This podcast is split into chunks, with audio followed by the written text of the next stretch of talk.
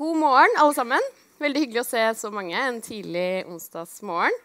Eh, mitt navn er Katarina Bu. Jeg er internasjonal rådgiver i Tankesmien Agenda. Um, som sagt, jeg synes Det er veldig hyggelig å se dere alle her. Eh, og jeg kjenner igjen mange ansikter. Uh, jeg gleder meg til at vi alle skal lære litt mer om næringslivsbistand. Uh, men før vi setter i gang, så vil jeg gjerne komme med noen praktiske opplysninger. Jeg håper alle har funnet seg kaffe og frokost bak der. Um, I tillegg så vil jeg gjerne opplyse om et par fremtidige arrangementer som vi i Tankesmien Agenda skal arrangere. Og jeg vil trekke fram to som begge har internasjonal tematikk. Uh, torsdag 6.12. klokken 17.30 arrangerer vi Agendakveld her på Kulturhuset. Som vi har kalt 'Menneskerettighetene 70 år på 70 minutter'. Hit kommer eh, bl.a. Sofie Høgestøl, fra, eh, som er forsker og stipendiat eh, ved Norsk senter for menneskerettigheter, og Bjørn Engesland, som er generalsekretær i Helsingforskomiteen. Og Anledningen er altså at menneskerettighetene er 70 år. Og uken etter, den 11. desember, eh, da begynner det å snøre seg til med juleforberedelser. Men jeg håper dere tar dere en liten eh, pause eh, og stopp i bakken. Eh, da blir det også her på Kulturhuset klokken seks Agenda Quiz. Og det er da med utviklingspotensialet. Og hvis ikke dere vet hva utviklingspotensialet er, eh, så vil jeg anbefale dere alle nå å gå inn i eh, podkastappen deres på telefonen.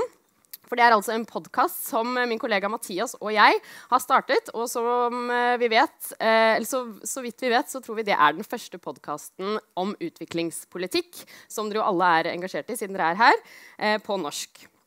Eh, så den må dere høre på. Men nå Stadig mer bistand, eh, både internasjonalt og eh, her i Norge, brukes på næringsutvikling og privat sektorsamarbeid. Um, og det sies gjerne at privat næringsliv er nøkkelen til å nå FNs bærekraftsmål.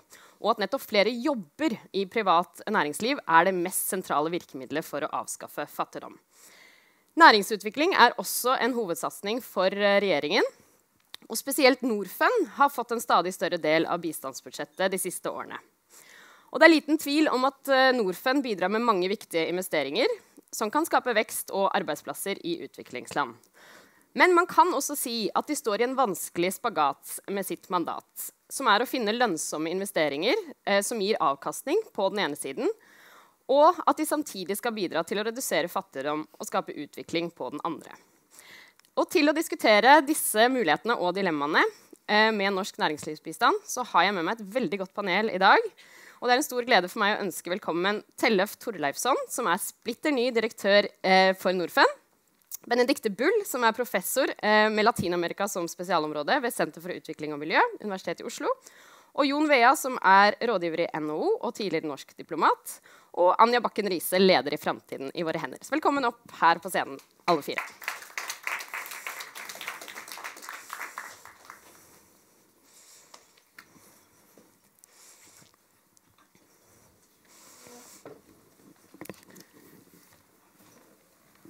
Ja, velkommen hit. Um, jeg må nesten begynne med deg, Tellef. Uh, gratulerer som ny sjef for uh, Norfund. Um, hva er det som blir nytt med deg som sjef?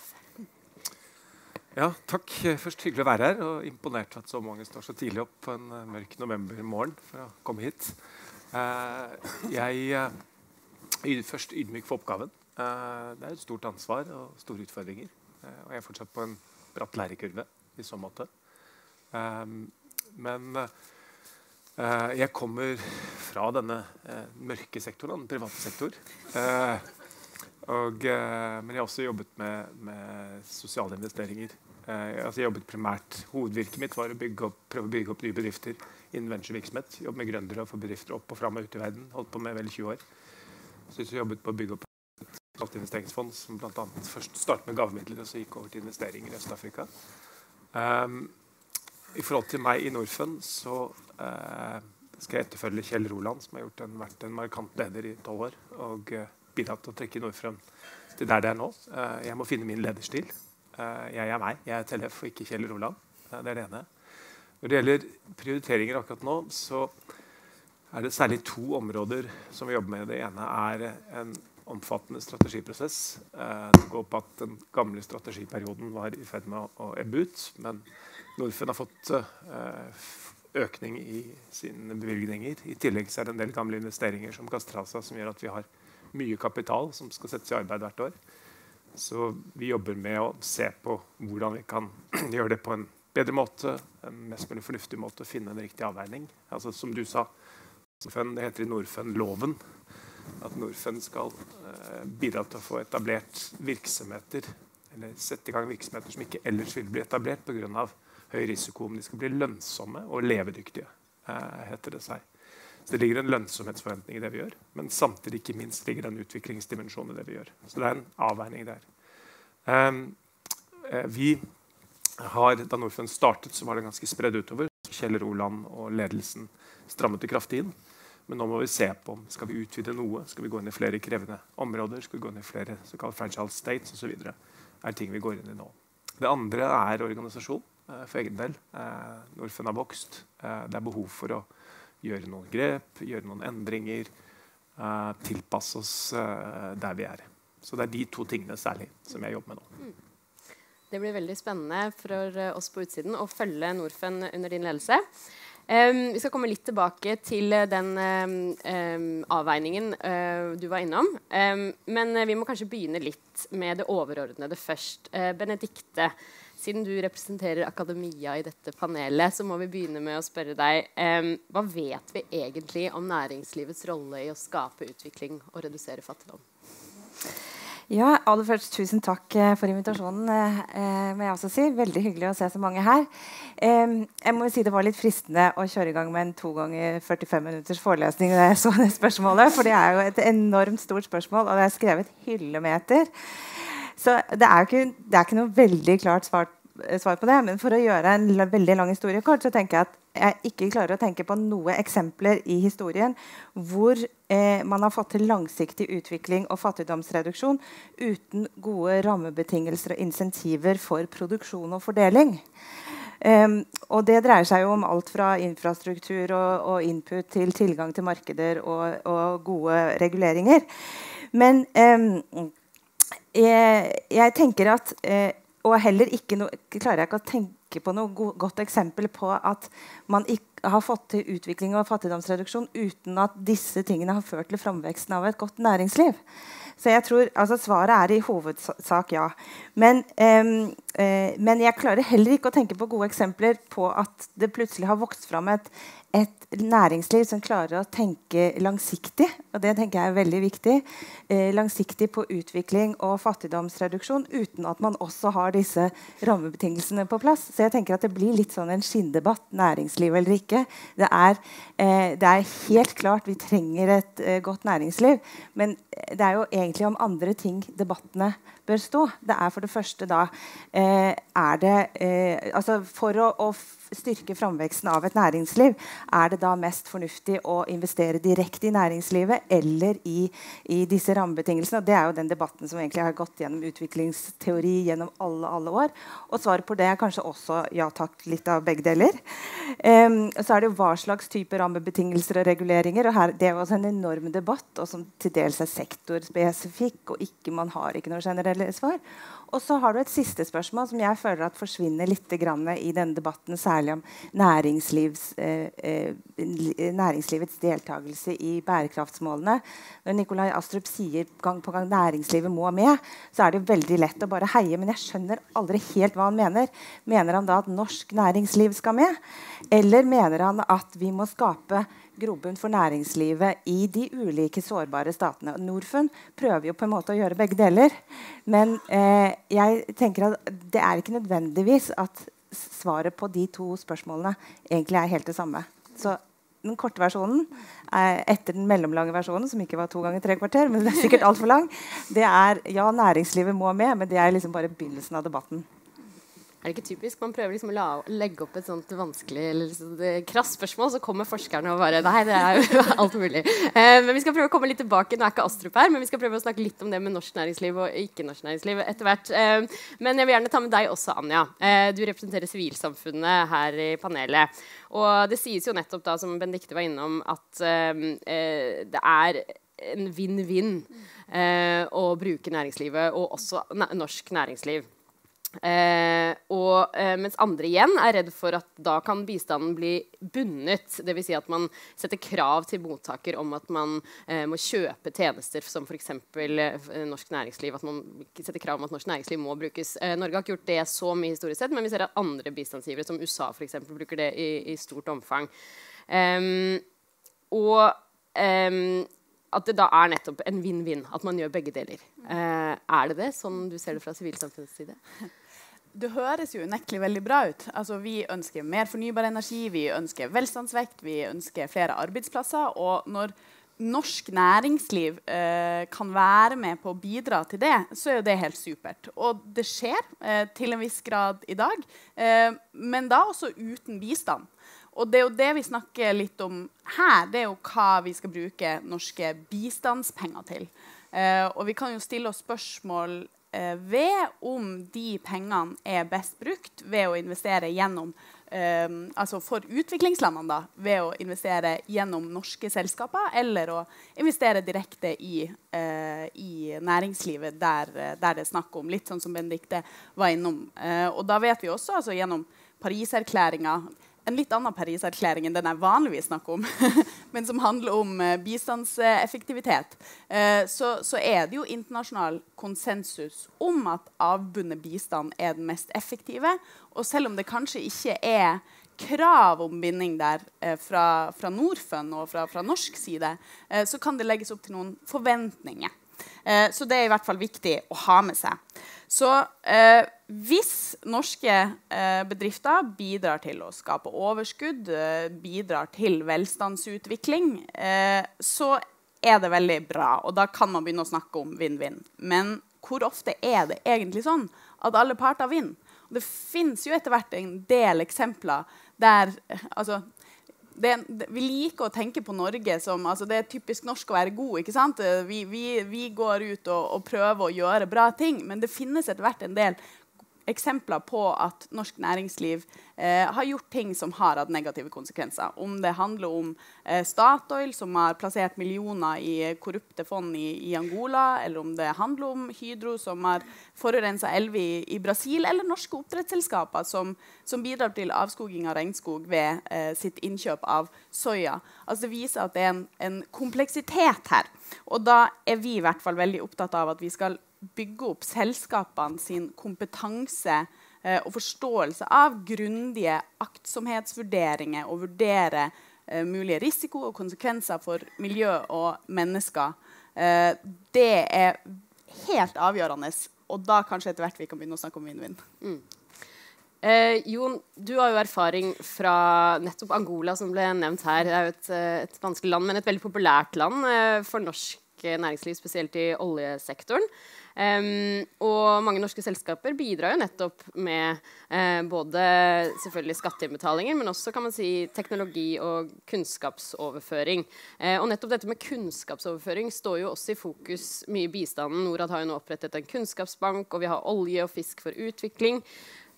Og kan man ikke kanskje si, selv om Benedicte sier at uh, alt trengs, uh, men kan man ikke egentlig si at det er på, på en måte kunnskapssiden snarere enn på pengesiden da, uh, at norsk næringsliv kan bidra? jeg er ikke så sikker på det. Altså, jeg har lyst til at, altså, jeg syns Benedictes innledning var bra. Hun altså, problematiserte litt omkring dette. Men jeg, jeg har lyst til å legge til grunn det som som skjedde i 2015 etter, eller midt i prosessen da man skulle ferdigstille eh, bærekraftsmålene. Da hadde man denne finansieringskonferansen i Addis Abeba.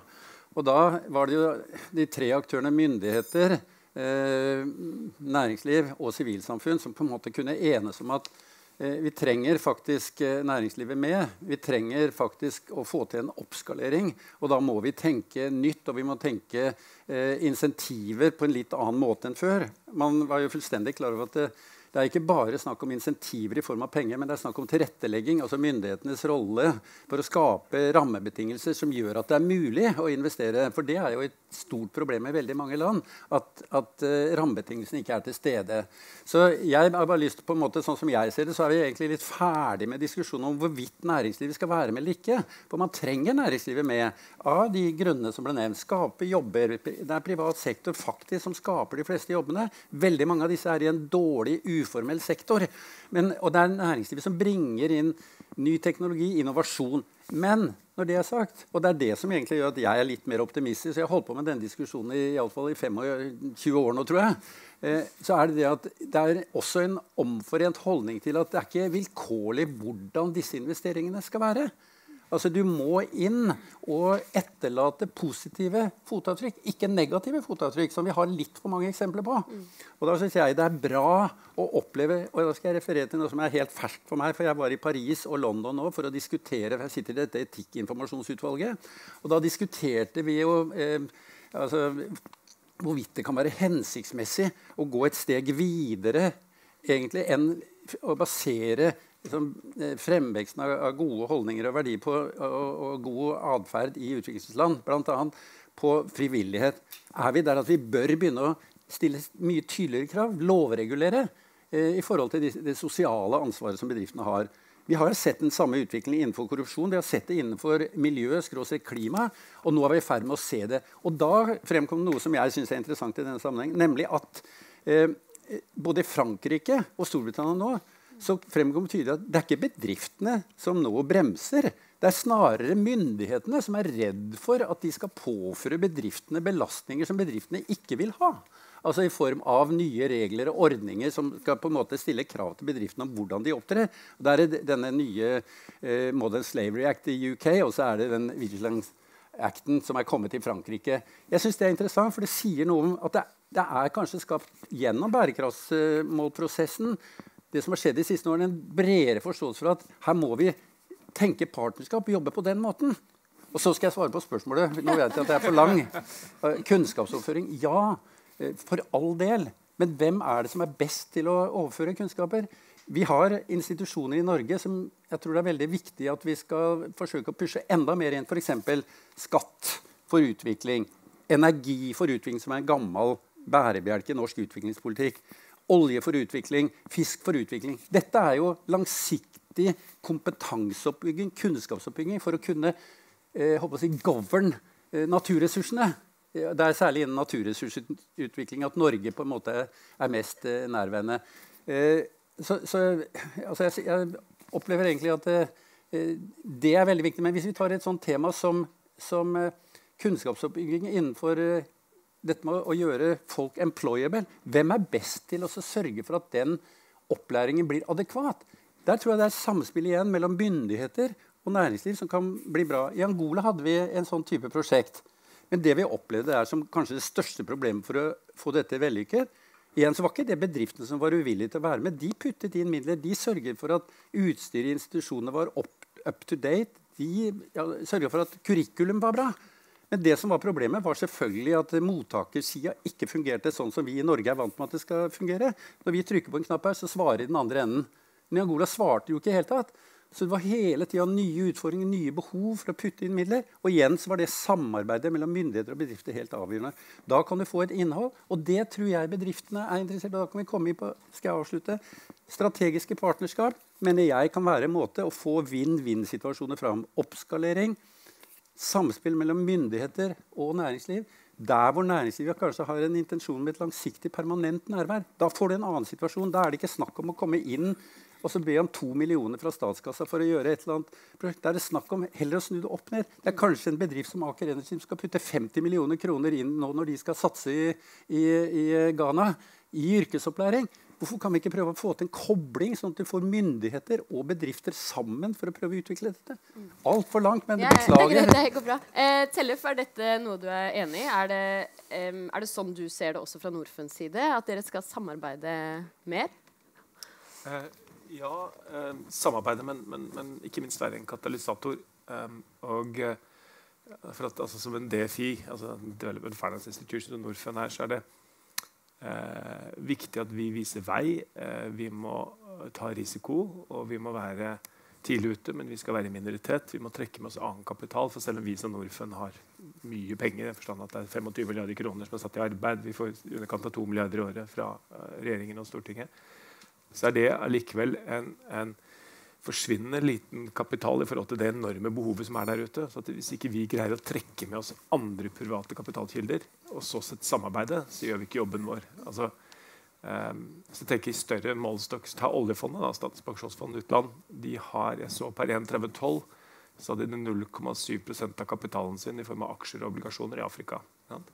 Sammenlignende har de vel 40% i USA, som utgjør 310 millioner mennesker. Ja. Så at, at den type kapital de er veldig representative for andre institusjoner, må vi trekke med oss. For å, det trengs altså for å bygge infrastruktur, store kapitalprosjekter. Eh, og Derfor er jeg så opptatt av at vi som en DFI ikke bare gjør de helt marginale prosjektene, for da greier vi ikke å trekke andre med oss. Altså Vi er nødt til å gjøre prosjekter som gjør at vi utløser den private kapitalen. Um, så det er, det er, en utrolig viktig del av det vi gjør. Uh, for det. Mm. Og selvfølgelig så må vi også altså jeg, Det er ikke sånn at privat næringsliv og og privat sektor er det eneste saliggjørende. Vi må jobbe med NGO-er. Vi trenger kompetanseoverføring, som jeg eh, var inne på. Uh, vi trenger nødhjelp, vi trenger bistand, særlig innenfor utdanning uh, og helse. Så Jeg er heller ikke opptatt av Jeg synes det er en kunstig debatt bistand eller næringsliv. Det er ikke interessant. Det er mer hvordan. Hvordan avveier vi det? Jeg har ikke lyst til å gå inn på den debatten. Jeg synes det er uinteressant. Uh, det er mer hvordan vi skal gjøre det. Benedicte, du ville kommentere? Det er bare to uh, små kommentarer. Først til det med kunnskapsoverføring. Det tror jeg er veldig viktig at bedrifter utenfra kan komme med kunnskap. Men det er også ekstremt viktig at, at Norfund og norske bedrifter og andre aktører som prøver å jobbe med næringslivet lokalt, skaffer seg veldig detaljert lokalkunnskap. Og ikke minst fordi dette forholdet eh, stat-privat er jo ofte noe helt annet det er, noe, det er, noe, veldig forskjellig i alle land, egentlig. Og ofte veldig forskjellig fra det vi er vant til hjemme. Og folk har helt ulike motivasjoner, og politiske motiver kan være like dominerende i privat sektor eh, som i offentlig, fordi at folk har forskjellige hatter, og det er de samme personene. Og da trenger man rett og slett veldig grundig lokalkunnskap.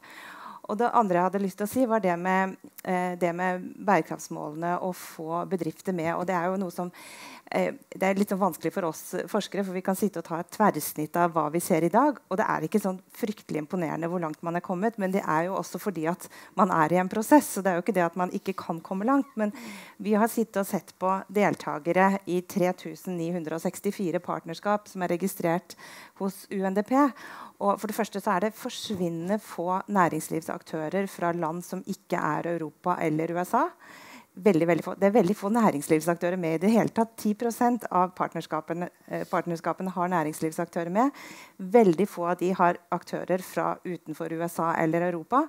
Og så har vi gått inn på noen enkeltcase. Jeg har en student som er nå i Chile og intervjuer. For Chile sto fram som et sånn positivt case. Her er det mange bedrifter fra Chile veldig få av de visste at de var registrert i det hele tatt. Så det er, eh, det er bare en veldig, veldig eh, det er veldig langt igjen. Men, så man har en stor jobb å gjøre. Det betyr ikke at det er feil vei, men det er uh, veldig langt igjen. Mm. Jeg har lyst til å fortsette litt på det første du nevnte, om uh, um, hvordan det private og næringslivet og staten på en måte oppfattes og oppleves. Her i Norge har vi jo på en måte veldig sånn tette skott, men det er ikke alltid sånn i utviklingsland. Og du har skrevet litt om det i Bistandsaktuelt i det siste også.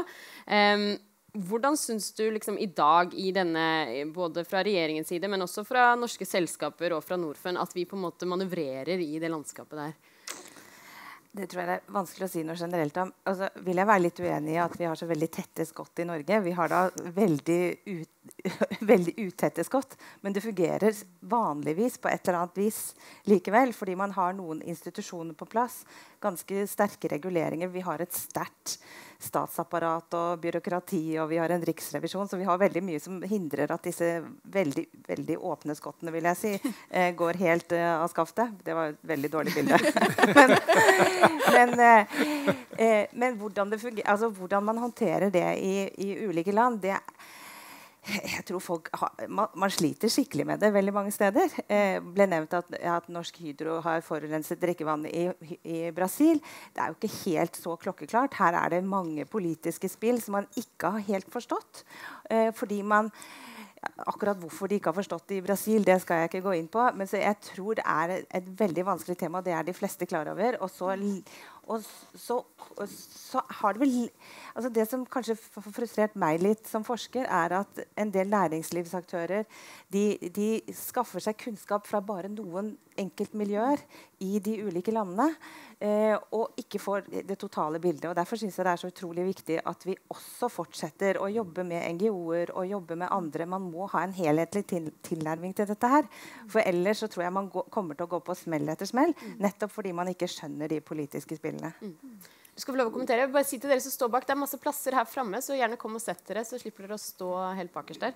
Eh, ja, vær så god, Jon. Ja, nei, jeg har bare lyst til å kommentere litt på det. fordi at Da vi eh, i NHO for eh, et par år siden eh, prøvde å definere hvordan vi skulle jobbe videre for å være med å implementere bærekraftsmåla, og prøve å finne en rolle for NHO oppi dette, så inviterte jeg 20 eh, NGO-er her i, i, Norge til et møte rett og slett for å utfordre dem på det. Hva, hva er nå egentlig oppfatningen hos dere for, til dette med å samspille mer med næringslivet før? Mer tillitsbasert?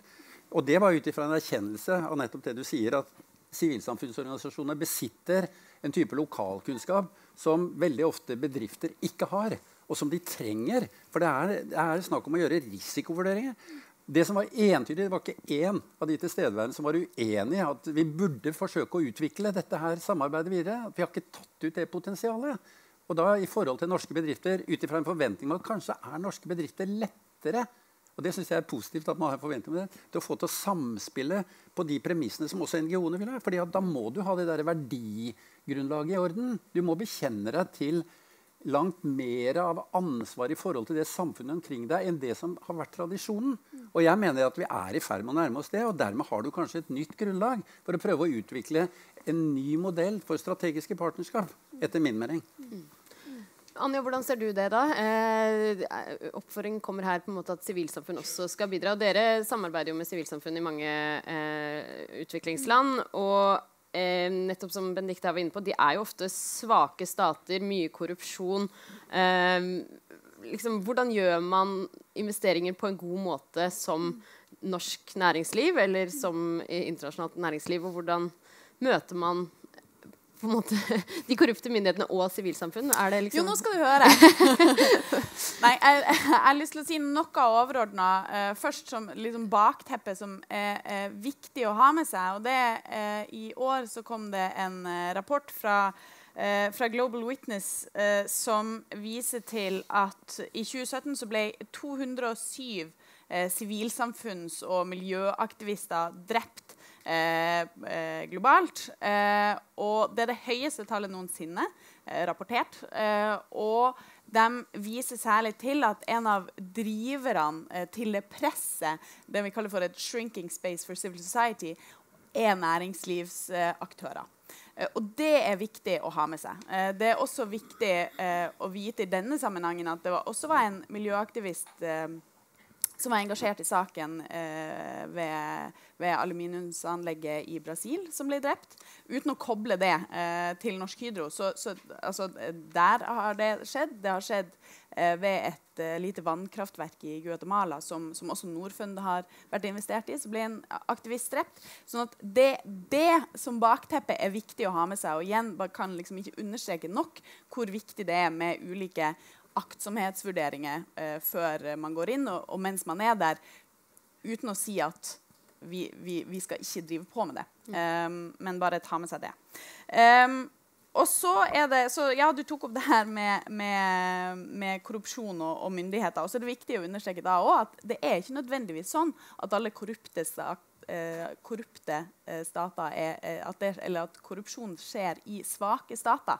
Eh, og da er det litt sånn som, som Benedicte var inne på i stad, altså hvor viktig det er å kjenne den lokale konteksten og forstå maktforholdene. Eh, og samarbeide med de riktige aktørene for å sette seg ordentlig inn i eh, konteksten når man eh, skal, eh, skal, jobbe der.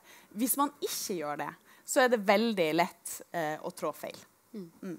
Vi skal snakke litt om dette standarder helt uh, til slutt. Uh, og så kan dere tenke litt på det. Hvem er det på en måte som skal ta ansvaret? Er det, er det næringslivet selv? Uh, det skal vi komme litt tilbake til. men jeg vil først snakke litt mer om Norfund. Um, Og en evaluering fra 2015 som ble gjort, som var den forrige større evalueringen av Norfund, jeg vet det skal komme neste år også, den sa jo at Norfund har oppnådd mye. Men der fikk jo Norfund kritikk for å ikke ha tilstrekkelig utviklingseffekt. Um, og det ble også stilt spørsmål ved om pengene da, når vi er, nå er vi tilbake på, på bistanden som brukes, på om de faktisk er addisjonelle. Altså Det betyr om det vil si at prosjektene Norfund ville investert i, ville uansett fått midler fra andre investorer. Um, og som sagt så kommer det en evaluering neste år. Eh, Tellef, hva tror du den eh, vil si om nettopp disse to, to punktene? Eh, og kanskje du kan si litt om hva kan gjøres for å på en måte få Norfunds investeringer og den type investeringer da, hvis man kan løfte blikket litt, til å nå ut til de aller fattigste. For de er jo gjerne på landsbygda. Eh, og fleste er jo småbønder. Eh, hvordan bidrar Norfund på den, eh, den siden? Stort spørsmål. Altså først, jeg, før jeg begynte, så hadde jeg glemt å lese disse rapportene. for jeg var nødt til å forberede meg. Og jeg er ikke helt enig i konklusjonen. Altså for det, eh, Slik jeg oppfattet det, så uh, mente evaluator og rapporten å konkludere med at flere av og, og, og at Norfund har vært tro til mandatet, og at man hadde hatt betydelig utviklingseffekt i mye av det man har gjort, og særlig bl.a. ESG. Men Norfund var ikke god nok på å dokumentere og rapportere i forhold til hva man ideelt sett skulle sett at var der. Um, og, så det er et forskjell mellom en ting er hva man gjør, en annen ting er hva, i hvilken grad man dokumenterer og rapporterer. Um, og når det gjelder det med utviklingseffekter, så altså, Norfund rapporterer på antall arbeidsplasser i investering man er inne i, på skatteinngang, på antall lånekunder, på energiproduksjon osv. Og, eh, og offentlig innkjøp. Altså noen størrelser. Um, men det er jo en komplisert materie. Uh, det å rapportere utviklingseffekter. Uh, snakket med en uh, eh, CDC her for noen uker siden, og de hadde registrert engelske tilsvarende som Norfund. De hadde registrert 116 initiativer for tiden som pågår, som er fundet av noen, som går på hvordan man skal måle impact hvordan man skal måle utviklingseffekter. Um, så det er, det, er, veldig mange som er opptatt av den materien. Um, og så er det en avveining hvor mye ressurser skal man bruke på å måle hva man får til, og hvor mange konsulenter skal man sende ut i felten for å telle antall sauer eller antall bønder eller kroner, kontra hva man faktisk bruker på den ressursinnsatsen man er opptatt av å nå fram på. Um, og Der er det vanskelig å finne akkurat hvor den skal ligge. Um, slik at Det det er forstått én del av det. Uh, men vi, vi, bør, vi, bør, bli bedre i Norfund. Og jeg har en ambisjon om at vi skal strekke oss lenger enn det vi er nå. Uh, men jeg er innforstått med at det er ikke enkelt. Det er ikke sånn at du kan leie en PwC og så får du et svar med to streker under. Dette er utviklingseffekten. Uh, det er mye enklere mål enn finansiell avkastning. Mm. andre er dette med addisjonalitet. så Altså det ligger i Norfunds mandat i forhold til hvilke land vi er inne i, eh, hvilke typer sektorer, at vi skal være addisjonelle. Og mange land så er det jo en betydelig kapitalknapphet. Men, men, det er også selvfølgelig knapphet på kompetente ressurser, uh, kompetente gründere, team som er eh, du tør å gi penger til. men um, og i hvilken grad de addisjonelle er jo et diskusjonsspørsmål. For vi skal også ha med oss private investorer. Vi skal ha med andre. og da kan jo ikke bare gjøre inn prosjekter som private investorer ikke har lyst til å gjøre. Hvis vi samtidig skal ha med oss private. Så det er en avveining. Altså, vi har gått inn i, vært opprettet fond i Somalia. Eh, der er det nesten bare DFI-er, altså sånne halvstatlige statlige aktører som gjør det. for Du får ikke med private. Men så er det andre energiinvesteringer osv. hvor vi har ganske enkelt å få med andre. Og til tider kan vi også konkurrere. Um, og, uh, men jeg mener at vi er addisjonelle veldig mye av det vi gjør. Men vi kan ikke gå gjennom hele porteføljen og si at alle prosjekter vi har gått inn i, så kunne ikke private gjort det. Um, og det, det, er en viktig del av det. Men det har vært det har også gjøres, gjort analyse på addisjonalitet. Vi har også gjort case-studier, uh, bl.a. på noe som Myanmar World og forskjellige typer case-studier. Vi går inn og dokumenterer det. Mm. Jeg møtte en, en, nordmann som hadde jobbet med næringsutvikling i et afrikansk land, som sa til meg det er ikke mangel på kapital, eh, det er mangel på de gode prosjektene. Eh, og du nevnte jo oljefondet, og selv om det er en liten, svært liten del av oljefondet som er investert i selskaper i Afrika, så overgår jo det den norske bistanden. Eh, og bistanden er jo eh, økende. Eh, eller den har vært ganske stabil internasjonalt, men økende i Norge stabilt de siste årene. Eh, så det er jo på en måte ikke en utømmelig ressurs. Eh, og selv om vi trenger å gjøre begge deler, og alt er viktig, både institusjoner og sivilsamfunn og næringsliv. Er det egentlig nødvendig å bruke offentlige midler på næringsutviklingen? Altså, jeg tror Det aller meste som skjer, i, også i Afrika, eh, av investeringer, det skjer jo uten at du har noen offentlig finansiering med.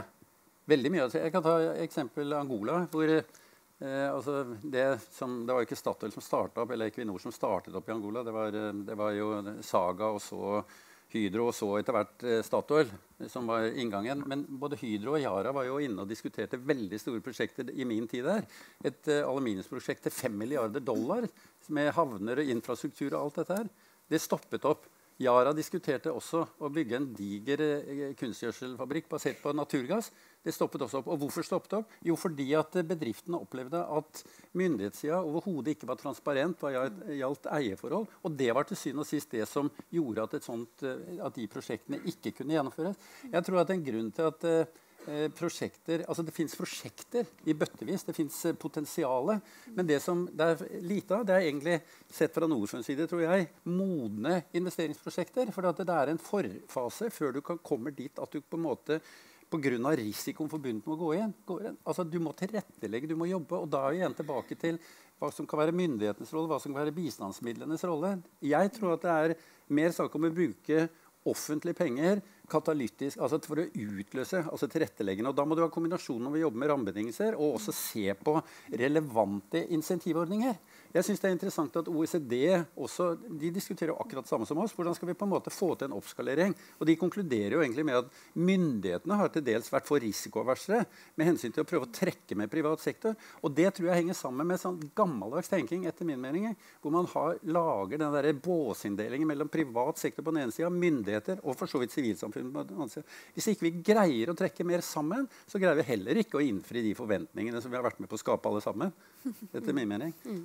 Men næringslivet er jo først og fremst profittsøkende, selv om mange i næringslivet ønsker å gjøre gode ting og bidra positivt. Eh, hvis det er som du sier at måte, myndighetene ikke henger med, er det ikke en fare for at næringslivet på en måte vil løpe forbi, løpe unna? Nei, men altså, jeg tror at det, De aller fleste som bedrifter som går inn uten at de har eh, noe ryggdekning i f.eks. i det være Øst-Afrika eller Vest-Afrika, de går på smeller. Og det blir ikke bærekraftig.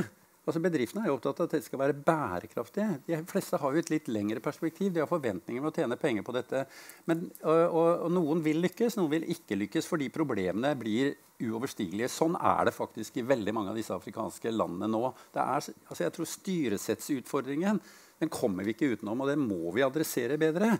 Men det som også er interessant er at norske myndigheter ivrer jo for også at norsk næringsliv skal gå inn i veldig kompliserte land. I de land vi har diplomatisk forbindelse med. De blir like skuffa som, like som, meg, da, som hadde jobba tett med bedriftene i Angola da vi, da vi ikke lykkes. Og spør, hvorfor fikk vi ikke dette til? Da var det faktisk bedriftene som var konsistente, holdt fast i at vi kan ikke gå videre. fordi at det er uforenlig med det som er forretningsplasser nå i resten av verden. dette At du må ha åpenhet om eierskap. Så, så men potensialet er der, altså. Benedikte? Ja, jeg hadde bare lyst til å si to ting. og Det ene handler om det liksom, ja, aktivister og drap på aktivister og næringsliv. Um, jeg synes Det er vanskelig å snakke om næringslivet generelt. Det er liksom én ting som de har til felles, en del aktører. Men, men, dette dreier seg veldig mye om naturressursprosjekter, og det handler om jord. Og det tenker jeg er, det er liksom en helt sånn spesiell uh, problematikk hvor man skal være veldig forsiktig og også kunne tenke noen ganger at selv om et prosjekt er liksom fornuftig økonomisk og kunne generere ringvirkninger, så kanskje det ikke er det fordi at man har spesielle grupper som har rettigheter til jord. Og, og, altså den problematikken er noe litt for seg selv. Men så tenkte jeg bare, En annen sånn bekymring som jeg har, da, er jo at en grunn til at det er mye kapital rundt omkring, det handler jo om en aktør som overhodet ikke er, eh, har disse, eh, disse kriteriene som gjelder menneskerettigheter og demokrati. Og det er jo Kina. Det er der kapitalen flommer inn. Så man har på en måte eh, man har fått bærekraftsmålene, som er kanskje det liksom, høyeste uttrykket for samarbeid om en del, eh, en del, prinsipper og rettigheter som vi egentlig har diskutert lenge. Akkurat på et tidspunkt hvor hvor man også har en veldig sterk aktør som jo er med på bærekraftsmålene, men ikke på mange av de rettighetene som ligger under et sånn globalt liberalt regime som vi har operert under i mange år. Så, så det, det, gir en, sånn, en tilleggsutfordring for mange næringslivsaktører. vil jeg si. For man er også et, i, i, i, en konkurranse om, om, gode prosjekter på mange måter. Selv om det er litt annen type prosjekter som ofte de kinesiske bedriftene og med staten i ryggen eh, investerer i. Mm. Da skal vi avslutte med å snakke litt om uh, dette som dere var inne på, nettopp uh, standarder. Og på en måte at man holder næringslivet til ansvar. Um, og både norske selskaper, du var inne på noe av det, Anja, men også Norfund har måttet tåle kritikk for å um, ikke i tilstrekkelig grad ta hensyn til menneskerettighetene i land de investerer og jobber i. Eh, og det var en evaluering som kom fra Norad tidligere i høst, som, eh, som pekte på eh, bl.a. at både UD, ambassadene, eh, men også Norad og Innovasjon Norge har manglende kontroll og oppfølging av menneskerettighetene i norske prosjekter. Um, og skal det endre seg nå med deg, Tellef? Skal, eh, skal Norfund nå i større grad gå foran og vise vei i, i næringsvirksomhet og menneskerettigheter?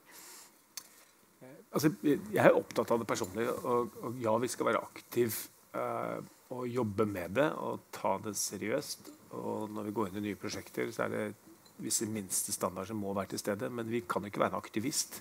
Altså, vi er ikke en kampanjeorganisasjon i forhold til det andre her som kan gjøre den jobben. Det er ikke vår rolle. Men eh, når vi går inn i nye investeringer, så er det jo viktig å gjøre en kartlegging og se hva er visse minimumskrav i forhold til hvordan arbeidere behandles, i forhold til eh, generelle basismenneskerettigheter må være på plass.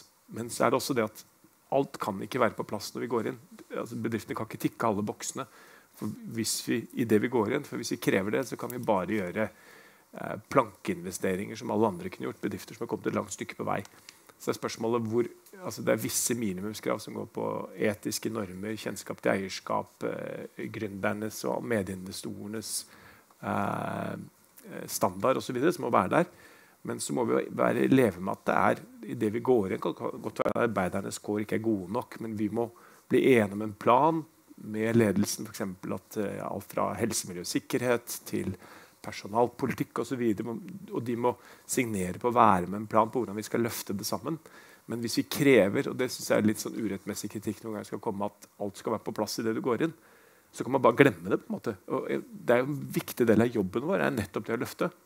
Uh, og spørsmålet er hvor hurtig kan vi greie å løfte, hvordan kan vi dra det i riktig retning osv. Mm.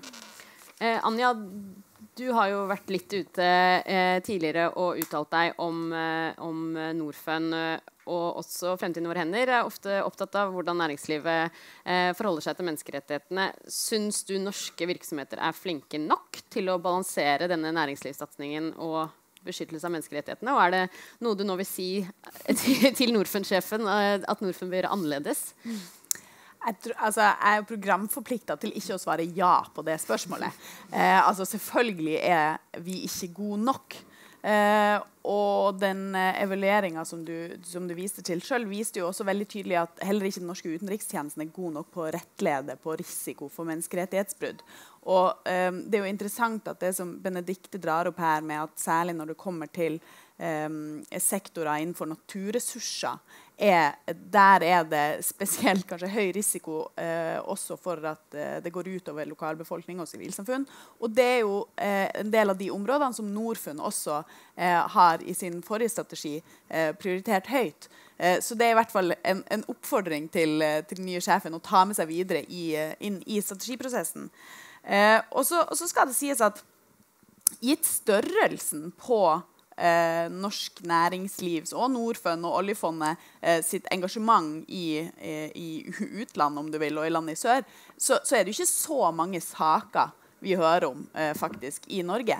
Men selv om vi ikke hører om dem, så vet vi jo altså Framtiden i våre hender vet jo både gjennom vårt eget arbeid og gjennom eh, tett eh, dialog med, med, samarbeidspartnere andre steder, så vet vi jo at, at, det som kommer fram i offentligheten, gjerne bare er toppen av isfjellet. Så hvis jeg skulle være liksom veldig konkret til, eh, til Norfund eh, og veien videre, så handler det ene om å, at Norfund må oppfylle UNGP, altså UN Guiding Principles for Human Rights. Um, og, um, og, det er spesielt viktig fordi at norske myndigheter har forplikta seg til å følge UNGP. Norfund er statlig. De er finansiert av bistandspenger. Eh, så de har en, altså de har en dobbel eh, forpliktelse til å følge opp her. Så, eh, så viser også evalueringa at Norfund eh, fokuserer veldig mye på selskapsintern risiko. Eh, mens UNGP er mye mer tydelig på systematisk eh, implementering av aktsomhetsvurdering eh, ja, mer helhetlig. Det må på plass. Og så er det det som, som Tellef sjøl var innom her, altså det med å, å måle utviklingseffekter. Og da er det klart at uh, vi er ikke så opptatt av at man skal telle sauer. Uh, men, men, å finne gode måter å måle positive, uh, det, det, positive fotavtrykket som man bidrar til, og også ha en kanskje en enda tydeligere sånn theory of change. Hvordan bidrar man faktisk til utvikling gjennom de investeringene, gitt den lokale konteksten? Eh, det eh, er noe som vi ønsker at, eh, at Norfund skal være tydeligere på, og som også Stortinget har bedt om. Stortinget har, har sagt at, at Norfund må bli tydeligere på hvordan den kan vise til addisjonalitet. Altså de her 292 000 arbeidsplassene som, som, som Norfund skal ha eh, på en måte bidra til. Hvor mye av det kan vi tilskrive Norfund-investeringer? Eh, hva, hva, kan vi tilskrive andre eh, investeringer? Eh, og, og, da er jeg eh, ja, så, så, er jeg veldig enig også med eh, den tankegangen som Jon Vea kommer med. altså det, det, at vi må dra sammen. Eh, og at det også da er veldig viktig, den dialogen som vi fører. altså Både sivilsamfunn, myndigheter, næringsliv. Eh, så det er jo noe som jeg også håper at du vil ta med deg videre. Mm. Skal få lov å svare på det, Tellef. på det siste til eksamen ja. Eh, på det andre eh, eh, Dette med å eh, Guidelines, UNGP, guidelines og, og IF, så er det eh, Problemet er at UNGPs guidelines er veldig generelle. Eh, de er vanskelig å operasjonalisere når du skal bryte ned på en enkeltbedrift. Uh, Generelt sett er vi selvfølgelig enig i UNGP guidelines. Men når du går inn og skal operasjonalisere det, så har alle DFI-ene i Europa, i hvert fall, altså tilsvarende institusjon som Norfund, heller valgt å legge seg på IFC guidelines. altså Verdensbankens. Ja, Verdensbankens mm. guidelines. For de er brutt ned på et sånt nivå som gjør at, at det går an å applisere altså eh, legge det til grunn i en enkelt bedrift. For det er veldig sånn operative. Eh, vi ligger der og kommer til å ligge der inntil eventuelt kommer andre retningslinjer som man blir enig med å bruke felles, og som vi føler at det går an å etterleve. Uh, og den, Det kommer jeg også Jeg vet at Kjell Rolav er opptatt av det. Jeg er også opptatt av det, og dette er noe vi har jobbet mye med. Uh, så akkurat der er vi uenige. Men på det siste absolutt ja. Mm. Mm. Jon, hva tenker du om dette? Altså, vi bruker offentlige midler. Eh, del norske selskaper ute er også delvis eller statseide. Eh, og så har, jeg bare glemte en ting ja. Og, og, ja, vi må også bli flinkere på å måle utviklingseffekter. Og der har vi en jobb å gjøre. Så, så der er jeg, er jeg enig. Altså, men det er et stykke å gå. Ikke sant. Um, det er jo godt å høre at det er en plan om å gjøre det bedre og mer av. Um, tilbake til da liksom, når man bruker offentlige midler, statseide selskaper, uh, og så har da FN kommet med disse retningslinjene. Du var inne på i stad uh, også behov for bindende retningslinjer. Um, bør vi sette strengere krav? Uh, og er det kanskje for tidlig å forvente at land som Angola eller Brasil skal gjøre det, men kan ikke Norge gjøre det? Jo, og jeg, igjen så er, føler jeg faktisk at det er, det er, ikke lett å være oppdatert på alt som skjer her. Og, og Man må passe på så man ikke sitter og forfekter standpunkter som er i ferd med å gå ut på dato. Jeg har lyst til å vise til finansnæringen, som er kommet dit. Og de sier det. At no, no, altså det er ikke egentlig en diskusjon om en bedrift som opererer et utviklingsland, skal ha gjennomført en due diligence på menneskerettigheter. Nei, de krever det. Jeg var nylig på et seminar og jeg fikk litt sånn bakoversveis. for jeg føler at dette har jeg jobba med lenge, og jeg har hatt en tendens til å forfekte det jeg tror er næringslivets synspunkter. Men så har du også finansnæringen som går veldig langt og stiller den type krav. Altså due diligence, man gjør en forundersøkelse Ja, det er aktsomhetsvurderinger, selvfølgelig. Og, og så tenker jeg på eh, også store selskaper i Norge som nå på en måte opplever at det er et momentum når det gjelder dette med menneskerettigheter, og setter på veldig mye ressurser. Fordi de, rett og slett, de har sagt sånn under hånden til meg at vi bare ser at dette her kommer. Vi må forholde oss til dette. Og så kan man se på det som skjer i andre land. Eh, du har altså Frankrike, som da er gjort det til et altså lovpålegg pålagt at bedrifter skal gjøre type due diligence. De har ikke innført sanksjonsordninger, og sånn, men det er snakk om at de skal få et bedre grunnlag. Og også kunne være i stand til å informere omverdenen om hva de går inn i, og hva som er risiko osv. Akkurat det samme i Storbritannia med Modern Slavery Act det, begge de lovene er egentlig sånn at de forventer at bedriftene skal være i stand til å informere. De er forsiktige med å innføre sanksjoner og, og den type ting. Eh, men jeg tror at effekten av dette her kommer til å være ganske betydelig. Og jeg tror jeg har vanskelig for å se at Norge, når ikke bare UK og Frankrike kommer med den type lovgivning, men også Australia, Canada og Sveits som var så imot den type mekanismer i handelsavtaler tidligere, gjør dette, så legger dette også press på norske myndigheter. Men så er det én ting som er veldig viktig, og det er at norske myndigheter må være konsistente. Hvorfor, altså Man har begynt å innarbeide noe jeg kan ikke detalj om det i offentlige innkjøp, f.eks. I utviklingspolitikken. Altså, altså Du må insentivere på en måte også de bedriftene som gjør en god jobb. Du må ikke la dem gjøre en god jobb, satse, investere i dette, og så velger allikevel myndighetene eksempel gjennom offentlig innkjøp det billigste tilbudet. Det er noe med konsistens her i forhold til dette, og der tror jeg vi har en del å gjøre. Men jeg blir ikke det minste overraska, bl.a. i lys av denne evalueringen som Norad hadde nylig, hvor man egentlig kom med ganske skarp kritikk både mot UD og Norad for på den ene side å forvente at bedrifter skal etterleve en del litt vage, ulike typer standarder og prinsipper. Eh, men så gjør man ikke annet enn å si at ja, dere må gjøre en sånn due deal. Men man etterprøver ikke det i hele tatt. Så det, har, det blir papirtigre. Så jeg tror vi har en jobb der. Og så må vi, som du sier, passe på at ikke dette blir helt og det, altså Noe argument for at bedriftene er mer åpne for dette, er at de ser at dette kan skape en mer even playing field. Fordi de i innbiller mange norske bedrifter at de ligger i forkant av andre land eller andre bedrifter. Og da kan de Eh, altså da kan de ha en ulempe hvis de andre ikke etterlever det, men de kan ta et komparativt fortrinn hvis de ligger foran og gjør det når andre også må innføre det samme. Det, det, det kan være noen sånne mekanismer. Men vi har en vei å, å gå her. Men jeg tror faktisk at eh, vi må ha litt sånn åpenhet for at eh, ting har beveget seg, at det kanskje er mulig. Jeg syns også det er interessant at eh, NBIM nå lager forventningsdokumenter på korrupsjon, på menneskerettigheter, som går ganske langt. da. Oljefondet, altså. Ja, altså oljefondet. Ja, men men vi, vi er litt sånn inne i, en, inne i et rom hvor ting er uklare. Jeg tror det er veldig behov for å rydde opp i alle disse forventningene som er vage. Prøve å lage noe som er mer standardisert, som er enklere. Og så har du problematikken små bedrifter i forhold til store bedrifter. Det kan bli utrolig byrdefull. Og så har du NGO-ene som skyter fra hofta eh, mot eh, altså omdømmeaspektet. Ref. Norfund og Kjells eh, kritikk. Jeg tror det er sammensatt, men det er klart at det blir ikke noe enkelt for Hydro i, i, Brasil i dag, eksempel, som oppleves å ha plumpa så mye. Men, men hele saken i Hydro er jo utrolig komplisert. Jeg går så langt som å si at jeg mener at Hydro er en av de selskapene i verden som er mest opptatt av aktsomhet og gjør veldig mye. Men jeg skal ikke gå mer inn i det. Skal så- å, eh, du skal få lov å skyte kjapt, veldig kjapt fra hofta. Jo, ve- veldig kjapt. Eh, Jeg er veldig enig i veldig mye av det du sier, Jon. Men jeg, eh, eh, altså, de evalueringene som har blitt gjort til nå, viser jo at Norfund ikke har vært god nok eh, på å gjøre de aktsomhetsvurderingene. Og det her kommer til å komme.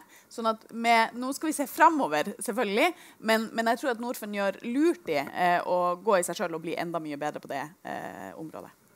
Vil du si noe kort, Benedikte? Ja, veldig kort. Jeg synes Det er så fint å høre på dette her. Og så er det så fjernt fra den virkeligheten jeg opplever i Latin-Amerika. Men Så jeg bare håper at, at alle de diskusjonene også kommer ut til næringslivet, altså det lokale næringslivet i forskjellige land. Kanskje gjennom samarbeid med næringslivsorganisasjoner. Det har man jo i noen tilfeller. altså Inkludere det på en bedre måte. Det tenker jeg er litt gjenstår. Jeg tenkte vi skulle åpne opp for to veldig kjappe spørsmål helt til slutt, eh, sånn at ikke det bare blir jeg som eh, prater. Ja, grønn genser der. Og så deg grått etterpå. Ingrid Stolpstad, politisk rådgiver i uh, Amnesty. Jeg er så glad for at trendordet her helt åpenbart er aktsomhetsvurderinger. Og det skal vi, skal, jeg ta tak i. Spørsmålet tror jeg går primært egentlig til Torleifsson og Vea. Dere har vært veldig mye inne på det.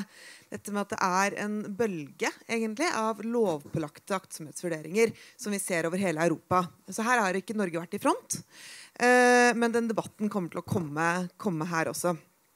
Og eh, men først så er egentlig spørsmålet litt, mitt å gå litt tilbake. Uh, for Torleifsson, du sa at uh, det kan oppleves som uh, veldig diffust osv. Med, med UNGP.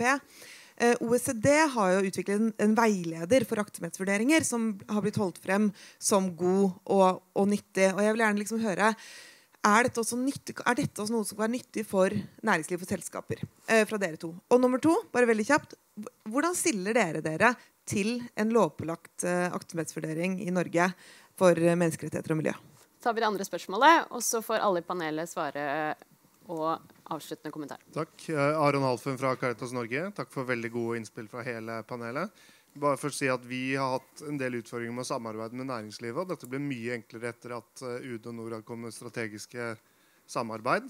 God erfaring der fra Colombia, så vi håper på at det kommer mer av dette. Gjør det veldig mye enklere å gjøre aktsomhetsvurderinger for eksempel, og jobbe sammen mot gode formål. Så kommer spørsmålet til Norfund. Det var oppe at det var vanskelig å måle utviklingseffekt. og Ordstyret spurte, etterspurte også mer investeringer i, mot småbønder og i jordbrukssektoren. Og her vet man jo med flere undersøkelser blant fra Verdensbanken at en innsats der er dobbelt så effektiv som i andre sektorer når det gjelder å skape jobber og utvikling. Så jeg gjentar ordstyreren, kommer det mer investering fra Norfund i denne sektoren. Takk. Takk. Da tror jeg vi begynner med Jon Vead. Skal få lov å svare på spørsmålet. Og eh, ber deg om å være kort, og så går vi den veien. Det er ikke lett. Altså. Nei, men eh, eh, på spørsmålet om, eh, om eh, aktsomhetsvurderinger altså, jeg, kan, jeg, sitter i et sånt uh, utvalg nå som vi nettopp ser på disse tingene. Men jeg, bare, jeg blir jo påvirka av det vi hører nå fra andre land. Men vi har jo en diskusjon å ta her hjemme. fordi den tradisjonelle holdningen i næringslivet har jo vært inntil nylig at uh, dette tar vi på frivillighet. Men så, så, skjer det ting. Så jeg, jeg, opplever absolutt at dette her er i bevegelse. Så vi får se. og Nå, nå har jo Stortinget gjennom et anmodningsvedtak bedt om at dette her egentlig skal utredes. Det, det, og det er da denne, denne informasjons... Altså plikten til å informere om hva man setter i gang med. Eh, og, og jeg, jeg tror at dette her kan komme til å bli det er min magefølelse at dette kan komme til å bli en realitet i Norge og ganske raskt. Men det som kjennetegner denne lovgivningen, er noe av det du var inne på, Telle. Altså, så langt, når man påfører den type regelverk på bedriftene, så er det ikke en forventning om at du skal gå inn og så skal du på en måte si ja eller nei til å, å fortsette. Det du gjør gjennom disse aktsomhetsvurderingene, du, opp, du, du oppdager risks. Og så få, sånn som I Storbritannia så er det forventet at bedriftene skal komme med en type statement hvor de nettopp beskriver hvordan de har tenkt å ta fatt i dette gjennom en prosess. Og det at du nettopp avdekker risikoen, problemet, utfordringen, og så også skisserer og synliggjør en bevissthet om problemet, og at du har til hensikt å gjennomføre ting alene eller sammen med myndigheter, det er det som på en måte er måten man venter at man skal gå videre med dette på. Og det tror ikke jeg er så veldig vanskelig og, og farlig for bedriftene. Men igjen, vi må tilbake til noen forenklinger, sånn at det ikke blir en massiv eh, belastning for bedriftene som ikke har noe særlig effekt. Og så vil jo spørsmålet om altså En ting er informasjonsplikten, men du skal altså Enforcement og eventuelle sanksjonsmuligheter er også en del av den diskusjonen. Og, så vi, treng, vi, trenger en tid dette utvalget skal legge fram sine innstillinger til høsten neste år. Vær så god. Um, begynner med det siste med, med småbønder. Så um, jeg er helt enig i forhold til at ca. 50% av arbeidsdager i fattige land jobber fortsatt i, i, på landbrukssektoren. Det er viktig. Men det er også den sektoren hvor Norfund har slitt mest. Det går tilbake. Altså, Norfund har hatt god lønnsomhet på energiinvesteringer. Deres bank og finans. Landbruk har vært veldig vanskelig. Det er ikke så farlig med lønnsomhet som sådan, men bedrifter som ikke er lønnsomme, har en tendens til heller ikke å vokse og ansette flere mennesker. Så det har vært et krevende område. Jeg har også jobbet med det selv tidligere i Vokstra, dette fondet jeg var med, hvor vi investerte i landbrukssektoren. Kjempevanskelig. Um, så vi vil gjerne gjøre mer innenfor sektoren, men vi sliter med å finne eh, også, Jeg var på reise nå i Mosambik, Kenya og, og Ghana nå i forrige uke og gikk gjennom hva vi har i såkalt deal flow innenfor landbruk. Og det er krevende å finne eh, gode nok prosjekter å investere i. Og det er problemer med landrettigheter osv. Så, så det er et visst sprik mellom lysten og evnen eh, og hva vi får til. Men når det er sagt, så er det veldig mye annet som også kommer småbøndene til gode. altså Innenfor eh, banktjenester på mobilbetalinger, innenfor mikrofinans, innenfor SME-satsing osv. Så, videre. så det er, ikke, det er ikke kun landbruksinvesteringer som er til gode for eh, småbøndene. Men det var et tall jeg hørte her nå jeg var på årsmøtet i Verdensbanken som jeg synes var veldig liksom, slående i forhold til landsbygda versus byer. At siden år 2000 så er det like mange mennesker som har flytta fra landsbygda til byer, som det er mennesker i Kina. Det var sånn tall som for meg var sånn Wow, hjelpes. Det sier litt. Um, så på, kjapt på de, dine to spørsmål. Uh, lovpålagt. Jeg er litt skeptisk til lovpålagt. Helt ærlig, for, Det kan fort bli bare sånn papireksersis. Du skal tikke av bokser. Og så er jeg redd for småbedrifter versus de store. altså Alle de små som ikke har den kapasiteten. At du kan påføre nok en kostnad, og så greier de ikke helt ikke da, og så er det de store som nyter godt av det. Jeg er mer opptatt av holdninger. Altså Jeg er ikke uenig om målet, men jeg er litt redd for hvilke utslag det kan få. Eh, og det med OECD, Jeg må sette meg bedre inn i det. Jeg vet ikke nok om det. Anja. Helt Vil du, er det her avsluttende, avsluttende kommentar? kommentar? Nå er vi på overtid. Ja. ja. um, altså, Norge har blitt uh, det landet vi har blitt, bl.a. ved å ha et sterkt sivilsamfunn, ha en uh, tydelig arbeiderbevegelse uh, og ha altså, bedriftsledere som har vært sitt samfunnsansvar bevisst. Eh, og det håper vi at Norfund eh, kan bidra med der de investerer. Eh, F.eks. ved å stille krav til retten til organisering. Eh, og vi starta i dag, Du starta med å stille spørsmål om eh, næringslivsbistand eh, fungerer. Og nå ser vi jo både at, i, at til tross for økonomisk vekst så ser vi en økende andel fattige i mellominntektsland. Vi ser et sterkt press på sivilsamfunnet. Eh, så det sier i hvert fall noe om eh, at fordelingsmekanismer, om at skattesystem, om alle de andre eh, rammene, hvor viktig de er, og at næringslivsbistand alene i hvert fall ikke er nok. Det er veldig viktig å ha med seg. Så til, til Norfund og veien videre jeg vil be deg ta en kikk på den OECD-veilederen for UNGP. Jeg vil be deg jobbe godt framover med, eh, med, hvordan man skal måle utviklingsmekanismene. Eh, og kanskje sist, men ikke minst, en ting som vi egentlig ikke har snakka om i dag, men, men, som jeg går ut ifra at du tar med deg videre. altså Norfund må være helt sikker på at man ikke gjør investeringer gjennom eh, skatteparadiser. Eh, så det, kan det være en liten sånn brannpakke til slutt. Tusen takk, Anja. Helt til sist, Benedicte. Vi er på overtid, jeg skal ikke si ja. mye. Jeg har bare lyst til å ta fatt i det som Tellef sa om at vi kan ikke være aktivister. Og det er jeg helt enig i. For det letteste for en regjering hvis en uh, bedrift begynner å blande seg i politikk, er rett og slett å bare shut it down på et eller annet vis. Tru, true eller hva som helst.